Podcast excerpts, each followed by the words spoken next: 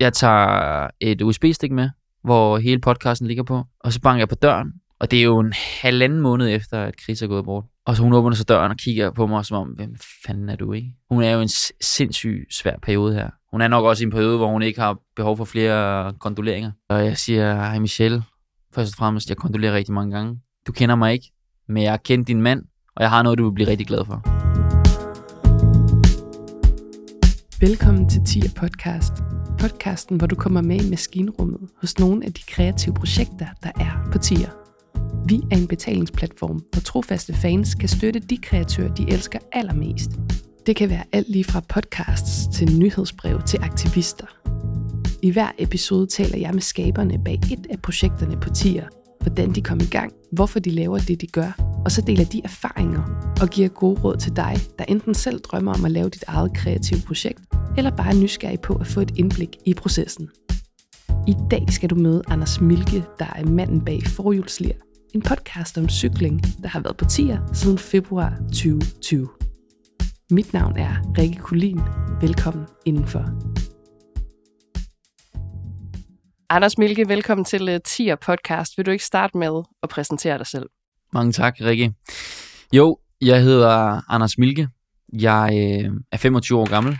Jeg øh, er stifter og vært på podcasten Forhjulslier, som jeg tænker, vi skal snakke om i dag, hvor jeg også har en lille søsterkanal, der hedder Gruppetoen på Forhjulslier. Så jeg er journalist, uddannet journalist på Roskilde Universitet. Jeg er journalist, reporter og kommentator på Eurosport, Discovery, Eurosport, GCN.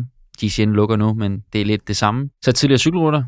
Ikke professionel, men var cykelrytter i 10 år, fra da jeg var 8 til jeg var 18, hvor jeg var på diverse ungdoms- og juniorlandshold, og faktisk slået Pogacar på en enkeltstart, Rikke. Sådan. Og da jeg var cykelrytter, der var min store drøm selvfølgelig at blive professionel, men hvis jeg ikke blev professionel, så var min store drøm at blive sportsjournalist, og det er jeg i dag. Disney kunne ikke have lavet et, øh, en, en bedre film. Vi skal jo selv sagt tale om forhjulslærer i, uh, i dag, men jeg vil simpelthen starte med at spørge, hvis der nu sidder nogen derude og har trykket tænd, og ikke aner, hvad der er op og ned, hvad er forhjulslærer? Jamen, jeg døbte jo egentlig øh, din podcast om cykling og kun cykling, men som mange lyttere har, har sagt og skrevet til mig efterfølgende, det er meget mere end bare cykling. Det har de jo også ret i. Det er en podcast, som øh, er et form for univers, jeg savnede i podcast-markedet i Danmark. Lidt mit, mit eget sted, hvordan jeg godt selv kunne tænke mig at, at, at høre podcast. Og, øhm, jeg er ude og, og rejse jorden rundt med min øh, daværende kæreste. Jeg havde som sagt den her, jeg var stoppet med at cykle, jeg skulle sådan finde mig selv, hvad skulle jeg lave og alt det her. Øh, det lyder lidt mere dramatisk, end det var, men øh, det var det overhovedet ikke. Og jeg kan huske, at vi først er i Sydkorea, hvor at jeg bliver lidt sådan forelsket i en, en ny slags is, de laver der. Hvad hedder det? Bingsu, tror jeg. Og så overvejer jeg, om jeg skal lave en café i København. En café, øh, fordi jeg gik også rigtig meget op i kaffe, jeg arbejdede som barista. Og så kom ind med den her nye is, som det kunne være sådan en rigtig blogger-is. Jeg tænkte, det bliver mega populært i Danmark. Men jeg havde så også den der journalistdrøm stadigvæk. Øh, og jeg lyttede til rigtig mange podcasts her i 2018 og 2019, hvor vi rejste rundt i et halvt år. Ideen fødes i Andesbjergene, kan jeg huske, i Colombia. Et land, som jo betyder rigtig meget for mig i dag, som også er sjovt at tænke tilbage på. Jeg lyttede rigtig meget til Mediano, som mange måske kender. Fodboldpodcasten, den største sportspodcast i Danmark. Det univers, som Peter Brygman og company havde skabt der, det følte jeg kunne noget, og jeg følte, at det, det kunne være fedt at lave noget lignende øh, for cykling. Altså gik jeg ind bare og googlede, hvor, hvordan laver man en podcast? Og det var væsentligt nemmere end at starte en café, fandt jeg ud af. Så kom jeg hjem til Danmark, og så gik jeg ned i noget, der hedder Forsound. Det kender du sikkert, det er lukket nu, som sådan en lydbutik med udstyr. Og så gik jeg ind, og så sagde jeg, jeg har læst op på det her, det her Zoom recorder, Zoom eller røde mikrofoner. Jeg kender ikke noget af det. Jeg er helt grøn i det her. Jeg skal bare have det bedste, du har. Fordi at jeg vidste, at så længe kvaliteten var god, produktet var godt, jamen så er det kun op til mig selv at levere det. Fordi jeg har selv hørt nogle podcasts, hvor lyden ikke er god nok, og man bliver irriteret, og så har man ikke lyst til at lytte videre, selvom det egentlig er et godt produkt. Så øh, det skulle bare, bare være på plads, og jeg tror, jeg bruger 20.000 inde i, i Forsound. Men det var jo som sagt, som jeg sagde til mig selv, det er jo ingenting i forhold til en cykel, som jeg havde, ja, mine forældre og jeg havde brugt mange penge på det tidligere. Så starter jeg egentlig bare op, og øh, ja, jeg sætter mig det mål, at jeg skal lave en episode om ugen, og det har jeg næsten levet op til siden. Selvom at jeg så kommer ind på Eurosport fra, fra 2022 som kommentator reporter, der tænker jeg sådan, det kan godt være, at jeg bliver nødt til at drosle ned, men jeg fandt ud af sådan, jeg havde egentlig tid, og lytterne savnede det, og jeg savnede det, og ja, så er det blevet til 372 373. 73 episoder, hvilket er crazy at tænke tilbage på, at det, det var februar 2019, at jeg udgav det første afsnit. Ja, og som sagt i optagende stund 373 afsnit. Det er mange allerede på omkring fire år. Du får den her idé på øh, din tur og vurderer simpelthen, det er, det er lidt nemmere end at, end at starte en café, selvom jeg lige vil tilføje, jeg kan også huske det der med at google, mm. hvordan laver man en podcast. Jeg var overvældet. Jeg synes, der var mange ting, man skulle. RSS-feed, hvad ja. er det? Grafik, hvordan ja. skal det være? Artwork. Og... Alle de der ting. Ja. Men det var også spændende på en eller anden måde. Ja. Det var noget nyt for mig, og sådan, wow, jeg kender ingen, der har gjort det her før. Og, og jeg sagde det til folk, at nu starter jeg en podcast. Øh, og det var også igen det her med, jeg overvejede, om jeg skulle lave øh, en hjemmeside, hvor jeg lavede artikler og sådan noget. Men jeg fandt ud af, at jeg tænkte sådan, jeg er egentlig bedre til, til at tale. Øh, sådan det verbale, synes jeg er lidt mere interessant end, end det skrivende. Og så kan jeg huske, at jeg fortæller mange, at jeg, skal, jeg har tænkt mig at starte en podcast, og folk er bare sådan, okay, held og lykke med det. Sådan, er du idiot -agtig. Dem har jeg jo så mødt efterfølgende, og de er bare sådan, jeg kan huske det at komme hjem fra rejsen, når du sagde, at du ville lave en podcast. Altså bare respekt for det, du har, har bygget op. Så det var, det var en helt anden verden, øh, jeg tror det ind i det. Og altså rent praktisk går du jo så ned og får også hjælp i, i Forsound, men jeg er lidt interesseret i selve, hvad skal man sige, konceptudviklingen, fordi det der med at tænke, jeg vil skabe noget ala Mediano, men for cykling, mm. det er også meget stort, så hvordan foregik det med at ligesom finde ud af, hvordan skal et afsnit konkret se ud? Hvad, hvordan skal jeg konkret sådan tematisere podcasten? Hvad er konceptet? Hvordan, hvordan var det?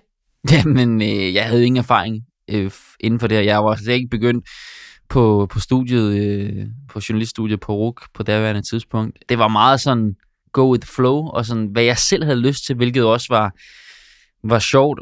Øh, jeg er jo ikke meget sparring, jeg kunne, kunne få fra andre, fordi jeg ikke kendte så mange. Men igen, så tog jeg, det lyder sådan lidt, at jeg har copy-pastet, men jeg føler sådan, at, at det gør man jo i mange øh, aspekter i livet øh, når man skal skabe noget. Øh, man bliver inspireret af ting. Øh, jeg blev som sagt inspireret af Mediano. Og det, der som var fedt ved Mediano, synes jeg, det var, at det var et stort univers. Det var ikke det samme afsnit, hver gang jeg lyttede til. Så den del tog jeg med over, men så hørte jeg også Fodbold FM, dengang det var på det gamle Radio 4-7, som jeg var meget begejstret for. Øh, de havde jo et, et, et format, hvor det var sådan noget med, at man skulle give en, en takling og et skulderklap og sådan noget. Det tog jeg lidt med mig, og så var det sådan en, en takling, det blev så i cykelsportsterm en, øh, en justering. Det var en justering, ja, man skulle give. En føring og en justering. En føring var en, var en god ting. Altså det var så, at, at mig og de gæster, jeg med, de skulle nævne en, en god ting, som de havde lagt mærke til i cykelsporten. Det var så en føring. Så den person eller den nyhed fik en føring. Og hvis der var noget dårligt, så var det så en justering. Så jeg sådan gik lidt øh, på, på podcastmarkedet og shoppede efter de ting, jeg godt kunne lide. Det var sådan begyndelsen på det. Men igen, Rikke, det var bare learning by doing. Og jeg har genhørt nogle af de første afsnit. Det er jo så ringe i, i forhold til det, jeg laver nu, men det er jo klart, jeg var jo så nervøs første gang, jeg lavede det. Og alle de her øh, øh, som der også kommer nogen af nu. Jamen, det er jo, natur, det er jo en naturlig ting, og det er jo noget, man lærer, jo flere podcasts man laver, mere erfaring man laver, men det, det bliver mere naturligt at snakke ind i mikrofonen. Det første halve år var der et format, og det var det her med, at jeg kaldte alle episoder etapper, som jeg stadigvæk gør i dag, fordi jeg kan godt lide den der analogi, som jeg også tog lidt fra 24-7 og deres øh, fodbold FM. Og så øh, var det sådan, at jeg havde en gæst inden, tit eller to gæster inden, hvor vi snakkede om, om cykelsporten og de ting, der rørte rørt sig i den uge, der var sket, og nogle af deres personlige historier. Men jeg fandt ud af, at det var for begrænsende at have det format. Folk, der lytter med her, har sikkert nogle, nogle podcasts, de lytter til, som udkommer på en bestemt dag. Det brugte jeg også i starten, men fandt ud af, at det går ikke. Fordi der er rigtig meget aktualitet, man mister, hvis man har lavet et interview øh, torsdag, den første skal udgives mandag. Så det skal bare afsted med det samme. Så jeg gik meget på kompromis med de der principper, jeg havde stillet mig selv til at starte med. Og jeg tror, det var en sund ting, at, at ligesom udfordre de principper, jeg havde stillet. Jeg kan godt lide at se lidt på det som en blandt selv slik forretning nu, at det er meget forskellige afsnit, jeg laver. I dag er det lidt mere et fast format, fordi at jeg har mit arbejde med Eurosport, og det er mit fuldtidsarbejde, øh, og så gør jeg det her ved siden af, hvor jeg har mere sådan, i dag har man, laver jeg tit med min rigtig gode ven, øh, kollega og også en form for mentor, Per Bagser, som er tidligere professionel. Der laver vi tit sådan, ser tilbage på løbende, analyserer dem og har en dialog omkring det. Men så har jeg mange af de her interviews, hvor jeg bare sidder med en rytter, hvilket er det, som virkelig er inspirerende, synes jeg. Og det er det, der virkelig kan få mig til at sidde flere timer foran computeren og forberede mig. Det er ligesom det, at jeg brændte for, da jeg startede det. Men jeg har bare ikke tiden, og rytterne har heller ikke tiden til, at man kan gøre det hver uge. Så det er en ting, som kommer hver anden tredje uge, og her i off-season, som vi er i nu, det er så oktober, november, januar måned, hvor rytterne har tid, og jeg har mere tid, jamen så dyrker jeg rigtig meget at lave de her one-to-one interviews det der learning by doing, synes jeg er en virkelig, øh, faktisk et godt råd også øh, til folk, der sidder og lytter med, fordi at jeg kan genkende det samme, og det er fantastisk at have det der katalog af sig selv, og kunne, kunne gå tilbage og lytte til alle mm. ømmerne og alle fejlene, man lavede ja. i starten. Men jeg må så også sige, at der er rigtig mange, der lytter, som jo ikke lægger mærke til de der ting, og synes, det er fedt fra starten, og derfor er jeg nysgerrig på at høre modtagelsen af podcasten i sin tid tilbage i 2019. Hvordan var den, og gav modtagelsen der blod på tanden? Det gjorde det jo forhåbentlig, fordi du har lavet i optagende stund 373 mm. afsnit. Det var mega fedt også, fordi jeg følte også sådan lidt specielt, at jeg var sådan den eneste i min omgangskreds, og øh, så også sådan i cykelsporten, som gjorde det på egen hånd man har selvfølgelig hørt øh, podcast, og der var også nogle store cykelpodcasts på daværende tidspunkt, og det er de jo store i dag, Vel Europa, og TV2 havde en podcast på det tidspunkt, og Suples, som var en del af Mediano. Og jeg husker tydeligt, at det ved du også selv, Rikke, men det her med algoritmerne er lidt mærkeligt, når du, når du starter en podcast, og du skal oprette dit RSS-feed. Øh, det lyder mærkeligt for nogle lytterne, hvis de ikke kender til det, men det er sådan, at du skal oprette en podcast og den kommer først på alle de andre platforme, på Spotify og alle de andre steder. Men øh, Apple Podcast kan det godt tage lidt tid, før den den kommer ind, og de skal ligesom lytte det igennem, siger de, og godkende det. Og jeg kan huske, at jeg så kommer på, på Apple, og der er det med algoritmerne, så lige pludselig så min podcast, Forluslig, og jeg havde sådan en lille, altså et, et dårligt logo, jeg havde lavet selv på nærmest Paint eller et eller andet. Det kom op i sådan noget top 10 af alle podcast, fordi jeg tror, det er nyt, og der er rigtig mange, der klikker på det, men det er jo ingenting i forhold til, hvad der var dengang af, af store podcast. Jeg var sådan, wow, ligger jeg i top 10 i Danmark af alle podcast? Det har jeg så fundet ud af, at var en fejl dengang, men det gjorde et eller andet med algoritmen, og lige pludselig så... Øh, nu refererer jeg igen til Mediano. En virkelig sjov historie, men Mediano var jo, det er jo den mest lyttede sportspodcast. På daværende tidspunkt havde Mediano flere kanaler. Det normale Mediano, så er det Mediano Perspektiv, og Mediano håndbold, og Mediano... Øh, det var bedre i 90'erne, eller alle de der forskellige kanaler, de havde. Og så kan jeg huske, at jeg får en notifikation på Twitter. Det er Peter Brygman, der tagger mig. Og jeg er sådan, okay, det, det må jeg lige se Peter Brygman, som har stiftet Mediano. Og så er det så et screenshot fra hitlisterne fra Apple Podcast, som jeg de fleste podcaster kigger på, hvor Mediano er nummer 1, 2, 3 og 5. Og så var det Forhjulslier nummer 4, og så står der Anders Milke nedenunder. og så skriver han, øh, hvad fanden laver du på vores fjerdeplads, Anders? og så, øh, jeg tror faktisk ikke, han taggede mig, fordi der var ikke nogen, der kendte mig. Så det var en af mine kammerater, der skrev til mig at sende mig billedet. Og så gik jeg bare ind for sjov og skrev, hvad fanden laver I på min første plads? øh, og så er jeg en gang imellem sådan skrevet lidt for sjov med, med Peter. Men øh, at det var overvældende øh, at, at få den der anerkendelse for noget. Og det er jo ligger så også lidt op af den karriere, jeg havde haft som cykelrytter. Man vil jo gerne anerkendes for, for det, man, man laver, fordi jeg brugte ukristelig meget tid på det i starten. Jeg lyttede til alle afsnit igennem, altså i redigering, hvilket jeg ikke gør i dag altså sad op til sent sent om, om natten og, og arbejdede på det, og at man fik noget anerkendelse for det, det var jo øh, stor kado, og øh, jeg kan huske allerede to måneder øh, inde i, i livet af, af podcasten, så bliver jeg ringet op af øh, Anders Nygaard, hedder han. Han er onkel til min, til min svoger, men arbejder i cykelsporten, og arbejder på daværende tidspunkt for Virtu. Virtu, som var det her store projekt, som Bjørn Ries og Lars Seier blandt andet havde hvor de havde, han ringer til mig, og så siger han, øh, hey Anders, mega fed podcast, øh, kæmpe fan, og det var jo, da den var, stadig var grøn, og så siger han, øh, kunne du tænke dig at lave en podcast med Fabian Cancellata? Undskyld mig, hvad? hvad? Altså Fabian? Ja, Fabian kommer til Danmark, og vi skal have ham, og ja, vi synes, det kunne være fedt at have ham med i dit format. Så jeg sådan, ja tak, det vil jeg mega gerne. Og øh, det udvikler sig til, at vi faktisk, øh, han kommer tilbage til Danmark, og jeg får lov til at lave endnu et interview med ham. Et, et længere interview, hvor jeg er oppe og besøger ham på Comwell i Holte, hvor vi bare sidder, mig og Fabian, i et kæmpe mødelokale. Fabian, som har været mit store idol, da jeg var barn, og han kunne huske mig, og han sagde, at jeg havde klippet mit hår, og altså, okay, ja, det var fedt. En vild start, når jeg sådan skal reflektere tilbage på det. Det der med, at jeg satte mig det der ambitiøse mål om at udgive et afsnit om ugen, det var ligesom det, der også holdt gnisten oppe. Det er virkelig vigtigt i forhold til podcast, i forhold til at, at have mange lyttere, tror jeg. Ikke fordi jeg har været ind og lavet analyser og skrevet en PhD omkring det, men det der kontinuitet. Altså virkelig vise, at du stadig er på markedet, og der er jeg, øh, har jeg jo sat mig det ambitiøse mål, og det er nok også derfor, at at podcasten er blevet så populær, det er, at jeg er den eneste cykelpodcast, der udgiver noget året rundt. Og det har jeg tænkt mig at fortsætte med. Og nu nævner du selv, at du får lov til, bare lige det, et af dine største idoler nogensinde, at interviewe ham to måneder inde i, i ja. forhjulsligers øh, levetid. For jeg er nysgerrig på, hvilke døre forhjulsliger så har åbnet for dig, for det er noget, som jeg som uafhængig podcaster har lagt mærke til med min første podcast, der hed Torkanalen, og stadig hedder det. Den er så ikke så god til at være kontinuerlig, men det er et rigtig godt råd, vil mm. jeg også sige, du har der. Men hvor mange døre Torkanalen åbnet. Altså et er podcasten selv, og det den kan, men alt det, der så sådan ligesom falder af udenom, og som i kraft af podcastens merit gør, at du bliver en, man lægger mærke til. Så det er et stort spørgsmål, tænker jeg, for jeg tænker, at den labyrint har mange døre, men det er sådan et grundlæggende spørgsmål er, hvilke døre har forhjulslæger åbnet for dig? Og hvad har det været for nogle døre? Uha, Ja, først og fremmest skal jeg så lige sige, at i forhold til det, jeg sagde med, med at være kontinuerlig med, med afsnit, der er jo sindssygt mange dygt gode podcasts, blandt andet din, altså, som ikke udgiver hver uge, men det er jo bare forskellige genre af podcast. Min er jo også en, en nyhedspodcast, så det vil jeg bare lige sige, det er ikke fordi, man skal udgive hver uge for, for at lave podcast. Men tilbage til spørgsmålet. Det er jo mange år siden, at øh, det startede. Altså, Fabian var jo en dør, men der har været rigtig mange forskellige døre.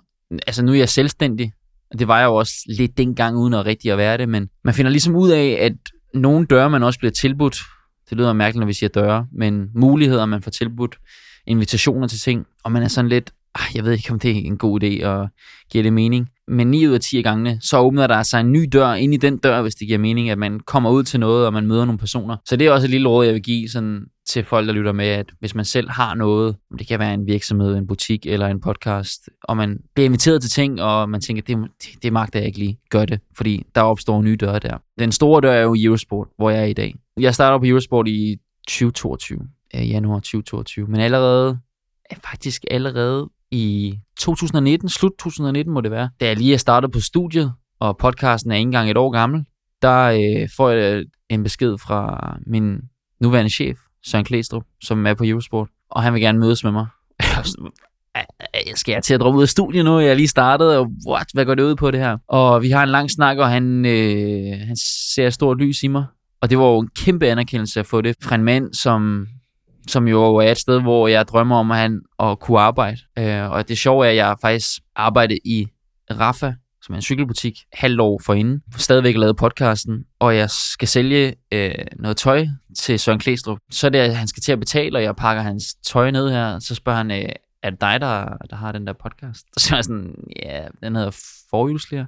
Ja, mand, den er mega fed. Jeg kunne kende din stemme. God stemme. Skide godt. Han tager fat i mig i, i slutningen af 19, og har, vi har vi mødes på, på en kaffebar. Altså, han flytter med ideen om at få mig ind på Eurosport. Og du ved, jeg kan jo kun se en, jeg ser jo bare tunnel, jeg skal bare den vej. Yes, yes, yes, hvad, hvad end det skal være.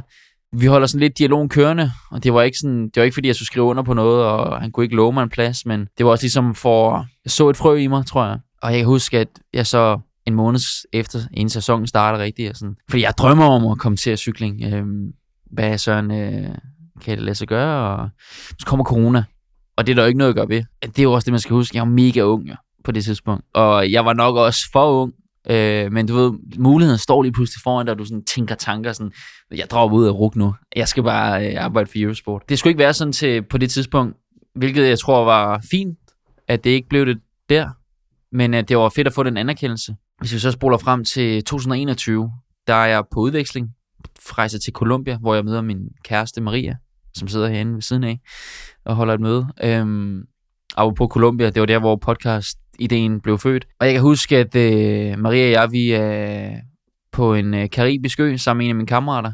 Og så lige pludselig så øh, får jeg en besked fra Søren Klæstrup. Den samme Søren Klæstrup, som jeg havde været til møde med et halvandet år forinden. Og han skriver, hey Milke, jeg vil gerne give dig en plads, og jeg vil gerne gøre dig til kommentator næste år på Eurosport. Så jeg løber bare ud på stranden, og jeg skriger, og sådan, det var jo lige det, jeg havde drømt om. Jeg var jo stadig i gang med at lave podcasten, men at det hele kulminerer der, det var bare fantastisk, og så kom hjem og blive kommentator. Jeg troede ligesom, det var faktisk døden for podcasten. Det, det tænker jeg, men man overtænker også tingene, at sådan, det bliver så vigtigt, det her, jeg skal lave. Men podcasten er også en måde for mig at holde mig opdateret på ting. Det er ikke kun mit, mit arbejde og en lille sidegeschæft og alt det her. Det er også et, et form for studie. Det lyder mærkeligt at sige, men folk drømmer ikke, hvor meget jeg lærer af at forberede mig til de diverse podcast og sætte mig ind i tingene. Så det er en god måde at holde mig opdateret på tingene i forhold til at skulle kommentere. Så det er ligesom den, den største dør, der blev åbnet, og som jeg også siger til folk, som studerer journalistik nu her, Øh, jeg skal prøve at give nogle råd, og de spørger mig ind til, til min karriere, så er sådan, altså, det er ikke for at skræmme jer. Og nu er jeg meget ung, når jeg siger de her ting, og det, det er det også sådan lidt øh, svært med, at jeg er så ung øh, i den her situation. Selvfølgelig er jeg virkelig taknemmelig for, hvor jeg er, men jeg ved også godt, at det er bare ikke givet, at man, man er her, hvor man er. Men jeg siger til dem, det er ikke mit studie, det er ikke min uddannelse som journalist, der har fået mig hertil, og på det med dørene. Det er udelukkende forholdsligere, fordi jeg kan huske, at, at jeg siger til, til Klæstrup der, at, øh, at da jeg starter, at jeg, jeg er stadig i gang med at studere. Hvad gør vi med det? Han sagde sådan, færdiggør dit bachelor. Det skal vi nok respektere. Det er vigtigt, at du får den. Men jeg kunne godt mærke på, at det var jo ikke mit studie. Han har jo ikke læst nogen af mine skodartikler, jeg har lavet på netavisen på RUK. De var jo podcasten. Så det er jo klart, det der har åbnet den dør og åbnet så mange døre. Så jeg er så taknemmelig for, at jeg sprang ud i det og lavede den podcast og havde gået på mod til at gøre det og bare fortsætte. Det er jo en vild historie at tænke tilbage på. Og som du siger, så kan man jo også, altså selvom at du nu har et fuldtidsarbejde, og som nok er, tør jeg godt lægge ord i munden på dig, dit øh, drømmejob, øhm, så har du jo øh, holdt fast i forhjulslier, som du siger, sådan forbedret dit håndværk øh, løbende og gør det stadig. Også en måde at holde dig selv opdateret på. Og jeg tænker, du har jo oplevet så mange ting med forhjulslier. Det gør man immer væk med så mange afsnit. Hvis du skal pege på dit bedste minde fra at lave forhjulslæger? Altså det, der sådan står klarest i hukommelsen på dig, hvad skulle det så være? Der er jo virkelig mange gode. Okay, det er et afsnit, som jeg tit bliver spurgt om, fordi at det har haft så stor betydning også for, øh, for hele Cykel Danmark. Og det, du ved måske, hvad for net det er. Det er portræt, som jeg nåede at lave med Chris Anker. Chris Anker Sørensen havde været hans minde, inden han gik bort. Det var sådan, at hvis vi går tilbage igen, jeg tog på udveksling til Colombia. Og ved siden af mit studie hjemme i Danmark, og, min, og med podcasten, så beslutter jeg mig for, at jeg skal have lavet sindssygt meget podcastarbejde og produceret rigtig mange ting, inden jeg rejser afsted et halvt år, så jeg kan udgive ting, mens jeg er væk. Og jeg kommer så på den idé, at jeg skal lave en form for tidsmaskine og lave en portrætserie af tidligere danske cykelryttere, som nok er det mest succesfulde, jeg har lavet indtil nu. Det er de her portrætter. Der er Chris så en del af det, Chris Anker. Vi laver to optagelser, fordi det er så lange øh, afsnit. Det var fire og en halv time. Vi optager hele hans karriere og hele hans liv øh, som cykelrytter. Og så aftaler vi, at det bliver udgivet en gang i december, fordi han var øh, en af de, den yngre generation. Vi skulle starte, vi startede med de gamle og sluttede med de rytter, der havde, der havde sluttet deres karriere, øh, karriere senest. Øhm, og jeg har det her fire og en halv time lange portræt liggende på min computer. Jeg er i Colombia, og så kan jeg huske, at øh, jeg er faktisk på ferie med min værtsfamilie derovre. Og så kan jeg øh, huske, at, øh, at jeg får en besked fra Mikkel Bjerg, min gode ven, som jo er professionel og er med landsholdet til, til VM i Løven i Belgien, hvor han skriver til mig, dude, der, det er helt fucked, skriver han, øh, Chris Anker er død. Og sådan, altså, det tror jeg, de fleste har haft en oplevelse, særligt med Chris, at når man har set det på nyhederne eller hørt det, man tror jo ikke på det første gang, og jeg er sådan, det kan jo ikke passe, altså, hvorfor skriver du det, og går ind på de diverse medier for at finde ud af, om det er kommet frem, men det var det ikke endnu på det tidspunkt. Og det kommer så 20 minutter efter frem, og jeg har det sådan virkelig mærkeligt, fordi at jeg kendte jo ikke Chris, men det er noget, jeg har fundet ud af, når man har lavet de her portrætter, man har siddet så intens, det ved du også, når man laver podcast. Øh, jeg lavede et portræt her den anden dag med min, øh, med min svoger, øh, Emil Vinjebo, hvor vi har siddet i seks timer og snakket sammen, hvor han sagde sådan til mig, Anders, jeg tror aldrig, jeg har siddet seks timer og snakket med, med min søster, altså hans, øh, hans kone, så intenst. Så man kommer virkelig ind på livet af folk, når man laver de her intense interviews. Og jeg har, har jo haft den samme oplevelse med Chris, og Chris var jo et kæmpe forbillede for mig, øh, også som cykelrytter, men også som kommentator, formidler. Han var en sindssygt dygtig formidler på, på TV2. Så jeg husker, at jeg begyndte, jeg sidder lidt og græder for mig selv. Jeg er lidt i min egen verden i Colombia tager jeg over, hjem på mit værelse, og så tænker jeg sådan, jeg skal lige høre noget af det portræt, jeg, jeg havde med Chris. Og når jeg laver de her portrætter, så er det blevet en ting, at jeg spørger dem, hvordan de gerne vil huskes. Og det er jo på en måde heldigt, men det er også meget mærkeligt, at jeg har det spørgsmål liggende. Men jeg går så ind og, og lytter til det, og jeg spørger Chris, hvordan han gerne vil huskes. Og han siger, det første han siger, han siger bare, jeg vil gerne huskes som et ordentligt menneske. jeg, begynder bare at græde. Og, sådan. og jeg ved ikke helt, hvad jeg skal gøre med det, fordi jeg har jo fire og en halv times optagelse med ham liggende. Det kan jeg jo ikke bare udgive. Så jeg tager så hjem til bryllup i oktober, til Mikkel Bjerg og Emma Norsgaards bryllup. Og jeg snakker lidt med Dennis Ritter, som jeg kender, som jeg var kollega med Chris på TV2, og siger, øh, Dennis, jeg har den her podcast liggende. Den vil jeg gerne udgive, men jeg udgiver den ikke, uden jeg har fået accept fra Chris' familie. Øh, og jeg tror, der er rigtig mange, der bliver glade for den, siger Fordi jeg, nu har jeg jo lavet, jeg kan jo huske, hvad vi har snakket om. Og han siger, tag fat i Chris' kone, Inge Michelle. Så jeg tager så hjem til Danmark, og har slet ikke snakket med Michelle. Jeg tager et USB-stik med, hvor hele podcasten ligger på. Og så banker jeg på døren, og det er jo en halvanden måned efter, at Chris er gået bort. Og så hun åbner så døren og kigger på mig som om, hvem fanden er du, ikke? Hun er jo en sindssygt svær periode her. Hun er nok også i en periode, hvor hun ikke har behov for flere kondoleringer. Og jeg siger, hej Michelle, først og fremmest, jeg kondolerer rigtig mange gange. Du kender mig ikke, men jeg har kendt din mand, og jeg har noget, du vil blive rigtig glad for. Og det er ikke, fordi jeg vil komme brasende, men det er meget vigtigt for mig at, at give det til dig. Og så siger jeg, at øh, jeg ved godt, at Chris har skrevet nogle bøger, og det er nogle, nogle bøger, jeg elsker, og jeg har dem stående herovre på, på reolen. Men det her, det vil være, det er specielt for særligt dine børn, fordi at det her, det er fire og en halv times optagelse med Chris' stemme over hele hans cykelkarriere, som I kan lytte til. Jeg skal vil have jeres accept til at udgive det. Hun blev virkelig glad, og hun var også meget rørt, og hun blev rigtig glad for, at jeg kom. Det første, hun egentlig siger, det der med, om jeg vil gerne høre, om jeg må få jeres tilladelse. Så sagde hun, alt det Chris har været med i, jamen det har han været med, fordi han har lyst til at det skulle udgive. Så der var ingen øh, diskussion. Det er så nok den mest specielle podcast, og det er på grund af omstændighederne. Jeg var inde på det før, men det er de her en-til-en interviews, som virkelig gør indtryk og virkelig inspirerende.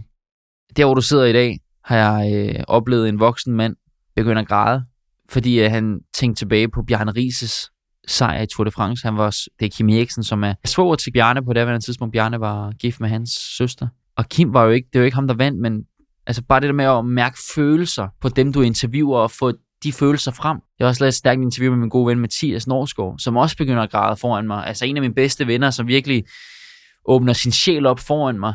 Så de der en-til-en interviews er så specielle, og forsøger jo virkelig at komme ind på personerne. Men det kræver også noget af, af mig at skabe et rum, og det er det, jeg har fået at vide efterfølgende, at folk, der har været med, at de føler sig virkelig tilpas i mit selskab, hvis det giver mening. Øh, og de tør og har lyst til at, til at åbne op.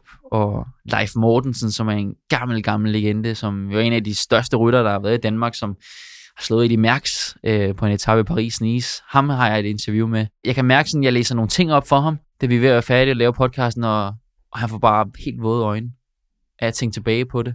Hvor er det specielt, at man er i en position, hvor at jeg kan opleve det face to face. En ting er at, at høre det som podcast, men det er lige så meget det der med at se personen i øjnene og, og mærke de der følelser. Så jeg vil helt klart sige, at det er de der portrætter og en-til-en interviews. Mange har også sagt til mig bagefter, at det har været en form for terapi. det lyder virkelig weird, når man siger det. Men det har været rigtig sundt for dem at reflektere over tingene. Og det er det rum, jeg godt kan lide at skabe, når man sidder og kigger hinanden i øjnene og har en samtale. Det er et rum af respekt, men det er også et, et rum, hvor at følelser og tanker og refleksioner øh, kan komme ud. I virkeligheden har du måske allerede svaret på det, men altså, hvad betyder det for dig at kunne nu gør du det jo både professionelt, og du gør det også her med forhjulsliger, som du kaldte det tidligere, en sidegeschæft. Men at kunne arbejde og formidle og leve det, som interesserer dig allermest, nemlig cykelsporten. Jamen, det er jo et privilegie. Det er jo det korte svar. For mig er det jo min passion. Det var min hobby. Det er blevet mit arbejde. Og det hele flyder, det flyder jo sammen. Øh, det er jo et privilegie at kunne have en hverdag, hvor det fylder. Så det er jeg meget, meget taknemmelig for. Og det er muligt at leve af det. Det er jo ikke givet. Slet ikke i den tid, vi er i nu i branchen, i journalistik, og særligt i sportsjournalistik, Øh, i mediebranchen. Men det kommer vi selvfølgelig også ind på med, med tier, hvor stor betydning det har haft for mig, at det har været muligt. Og folk prøver også at sige sådan til mig sådan, du skal virkelig klappe dig selv på skuldrene, fordi at du er så ung, og du er nået der, hvor du er i dag. Og jeg sad for sjov og snakkede med en kammerat i går om pensionsalder for os. Det bliver jo en, en sen alder, hvor det var sådan 74 år.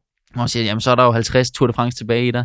Og altså, det er jo ikke givet, at det er det, men det er jo vildt at tænke på, at, at hvis man kan, og man har øh, kvaliteterne, og man er stadig er frisk og alt det her, og opdateret, og man er berettiget til at være i den position, jamen så hvis man kunne arbejde med det her de næste 50 år, så ville det være endnu større privilegie, ikke? Jeg har jo kun arbejdet med det i, i fire år, og to år sådan rigtigt, hvor, det har, hvor jeg kunne leve af det. Ja, jeg er bare virkelig taknemmelig for, hvor jeg er i dag, og der, jeg skylder også nogen nogle tak, ikke? Altså min familie og, og særligt mine venner i cykelsporten, øh, det er netværk, som jeg udnyttede, øh, som jeg har. Og det var jo også derfor, jeg tænkte sådan, det kunne være en god idé at starte podcasten, fordi en ting er, at det kan hjælpe mig, men det kan, altså, no, altså sådan, det er ikke fordi, det skal lyde som sådan et aftalt spil, men det er jo også en måde for min, mit netværk at blive promoveret på. Altså, vi hjælper hinanden på en eller anden måde. Der er mange, der har gjort nogle ting for mig, som jeg er meget taknemmelig for. At stille op til interviews, og ja, jeg er bare, vi er, nu har jeg sagt det mange gange, jeg er bare virkelig glad for, hvor jeg er i dag. Og jeg synes faktisk også, det er et, øh, et råd og en kommentar, jeg egentlig også vil give. Altså man, især som uafhængig podcaster, brug dit netværk til at starte med. Hvis du kender nogen, det var sådan, jeg fik gæster med i Torkanalen i sin tid. Jeg havde været i praktik, og jeg spurgte min, øh, ham, der havde været vært på det program, Jacob E. Hinchely, om han ikke ville være den første gæst i Torkanalen. Øh, og det ville han selvfølgelig godt, og så var folk sådan, om ham kender vi, så vil vi også gerne være med. Og på den måde, så, sådan, så udviklede det sig lidt derigennem. Jeg får også lyst til, du siger det der med, at du er ung. Du er jo født samme år som Tade Pogacar. Du er jo i virkeligheden sådan der uh, sportsjournalistikkens Tade. Men, uh, og du er selv inde på det her. Det er jo fantastisk, Anders. Det er jo også det, en, uh, en god journalist kan. Du, sådan, du flyder hen imod det her sådan økonomiske aspekt. Mm. Jeg er og har selv været uafhængig podcaster. Da jeg startede tilbage i 2017, der var der meget snak om økonomi i dansk podcasting, også fordi vi var lige sådan et sted, en overgangsperiode til den her sådan stærke kommercialisering og professionalisering og de store platformer og de store mediehus, der begyndte at få øjnene op for, øhm, for podcasting og hvad det kunne. Og vi skal selvfølgelig tale om tier. Nu hedder det her jo tier podcast. Men jeg kan ikke lade være med at komme til at tænke på i podcastens prolog, som jeg lige uh, skulle genhøre her. Den er ikke særlig lang. Ej, den er 6 minutter. Der er jo en lille sponsor på, der er Rafa Copenhagen, der, som du uh, arbejdede i. Hvordan var sådan det økonomiske aspekt til at starte med? Fordi der, du kom jo først på tier i, i februar 2020, så det er sådan et lille år efter ja. podcastens start. Mm. Hvordan øh, med udgifter og økonomi i starten, hvordan så det ud?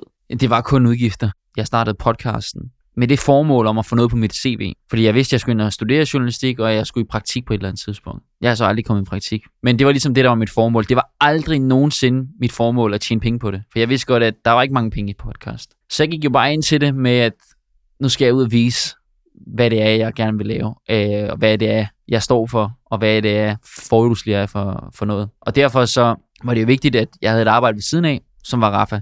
Og så øh, startede jeg så også med at studere senere hen, og lede SU og, og arbejde lidt deltid i Rafa. Men i starten, altså, Rafa Copenhagen, det var jo for også lidt at hjælpe hinanden.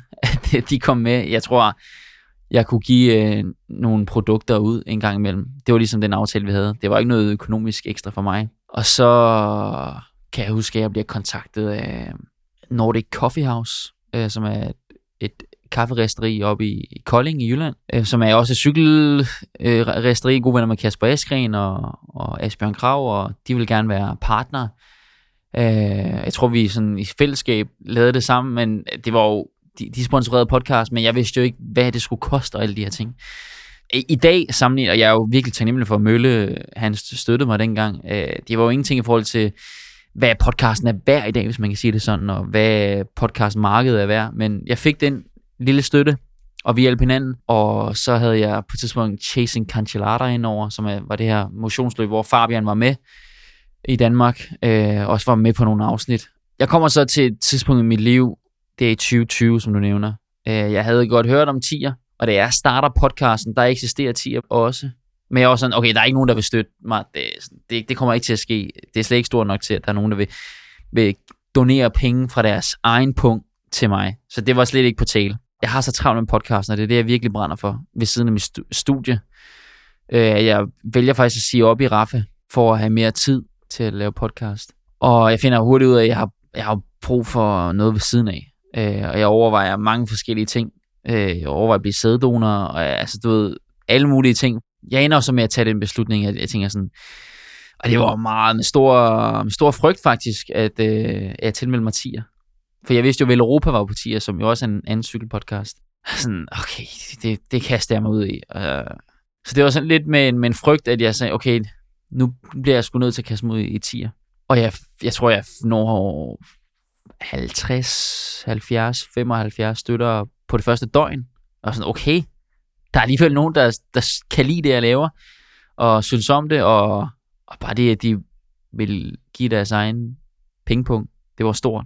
Det, det kan noget, det her. Og jamen, så var jeg lige pludselig over 150, 200 støtter, 250, 300.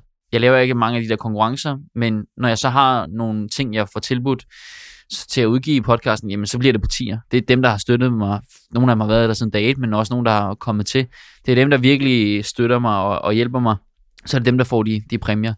Så øh, ja, men til alle dem, der har støttet, støtter og har tænkt sig at støtte, bare sige tusind tak, fordi at, øh, det har gjort det muligt for mig at simpelthen kunne gennemføre min uddannelse og lave podcasten. Jeg tænker på det der aspekt med at blive finansieret af dem, der sådan elsker podcasten mest på en eller anden måde. Hvad betyder det sådan for forhjulsligers, jeg ved ikke DNA, men sådan det produkt, du så også sidder med hver gang, at du godt ved, jamen altså, den er også sådan, dem, der sådan finansierer den her podcast, er dem, der lytter til den. Ja, det er det.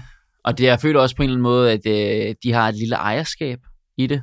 Der er jo uden tvivl en øh, større drivkraft i det for mig, jeg ved, de forventer noget. Altså de her, nu ved jeg ikke, hvor mange der er lige nu, 250, 240, der støtter, jamen de venter på, at der kommer et nyt afsnit. Og jeg skal sørge for, at det bliver godt. Øh, fordi de er the OG's, ikke? Altså det er de hardcore lyttere. Så det er et specielt forhold. Og jeg kan også godt lide de gange, hvor jeg så har nogle konkurrencer her, senest lavede jeg øh, en, øh, jeg fik et øh, brætspil, jeg kunne give til en, til en tier-støtter, og skriver til tierstøtteren, og det, det, det mærkelige ved tier, tier den, den forbindelse, man har til, til, til støtterne, det er, at du oftest ikke kender navnene på dem, du kender kun e-mailen. Øh, nogle e-mails er jo obvious, hvor der står et fuldt navn, andre e-mails, så står der et, nogle, nogle initialer. Altså de der gange, hvor man skriver, hej, RTH, eller hej, jeg ved ikke, hvad de hedder, jeg aner det ikke. Hej, øh, ABD, øh, og så, øh, så skriver jeg bare først og fremmest, tusind tak for din støtte, og det betyder sindssygt meget, og som tak for din støtte, så vil jeg gerne give dig det her spil, og bla bla bla, eller en præmie. Og så modtage beskeden bagefter, det er jo altid spændende, at hvem det er, og hvad personen er, kommer til at skrive. Og det har udelukkende været positivt hver gang, men det er jo inspirerende og virkelig øh, jamen, bekræftende at få svarene så, hvor mange timer de bruger, og hvor meget de sætter pris på det, og bruger det i deres hverdag.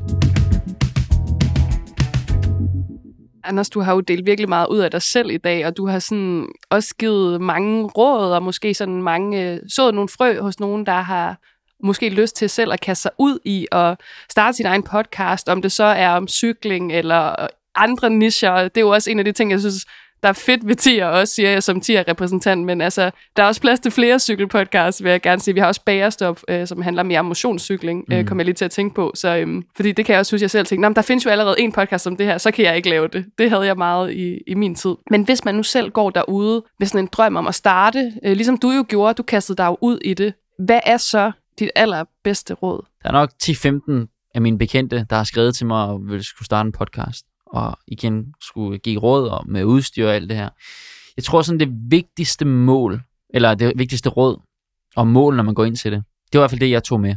Det var, at du skulle ikke gøre det for pengenes skyld. Du skal ikke gøre det for at, at tro, du bliver den nye Peter Faltoft. Du skal gøre det, fordi du, øh, du har en passion for det, og du er nysgerrig, og du er interesseret i at se, hvad det her det kan, det kan blive til. Og du skal gå i nysgerrigt ind til det, og være også åben for mange af de ting, der opstår. Og det her med, at, at du skal heller ikke være nervøs over, hvad folk synes om det. Det er learning by doing. Du kan ikke google, hvad er den perfekte podcast.